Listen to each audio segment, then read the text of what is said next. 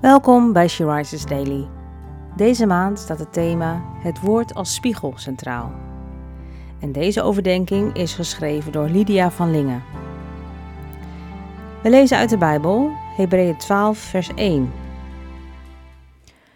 Nu wij door zo menigte geloofsgetuigen omringd zijn, moeten ook wij elke last van ons afwerpen, evenals de zonde waarin we steeds weer verstrikt raken, en vastberaden de wedstrijd lopen die voor ons ligt.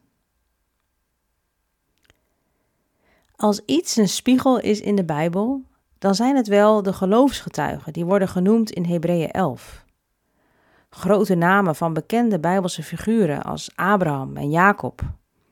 Mensen die een persoonlijke relatie met God hadden. Wat kun je daar soms onzeker van worden? Heb ik wel net zo'n relatie met God? Hoe kan ik ooit zo worden als zij? En dan het vervolg van de tekst. Afleggen alle last en zonde die ons zo makkelijk verstrikt. Ja, hoe dan? Hoe kunnen we dit ooit doen? Het antwoord staat verderop in de tekst. Volharding. dit woord komt vaker terug in de brieven van Paulus.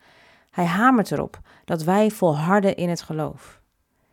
In Romeinen 12, vers 12 zegt hij: Verblijd u in de hoop. Wees geduldig in de verdrukking. Volhard in het gebed. Dus loop de wedstrijd, hoe moeilijk soms ook. Laat je niet afleiden.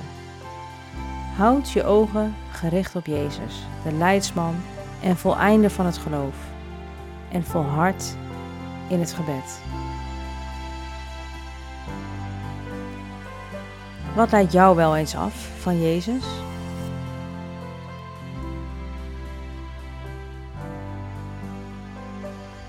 Vader, dank u wel voor het voorbeeld van de geloofsgetuigen. Mensen die zoveel van u hielden, maar ook echt mensen waren. Heer, help ons om de wedloop te lopen.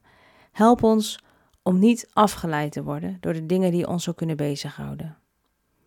Help ons om onze ogen gericht te houden op Jezus. Amen.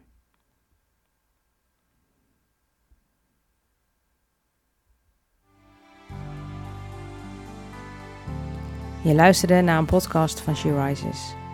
She Rises is een platform dat vrouwen wil bemoedigen en inspireren in hun relatie met God. We zijn ervan overtuigd dat het Gods verlangen is dat alle vrouwen over de hele wereld Hem leren kennen. Kijk op www.she-rises.nl voor meer informatie.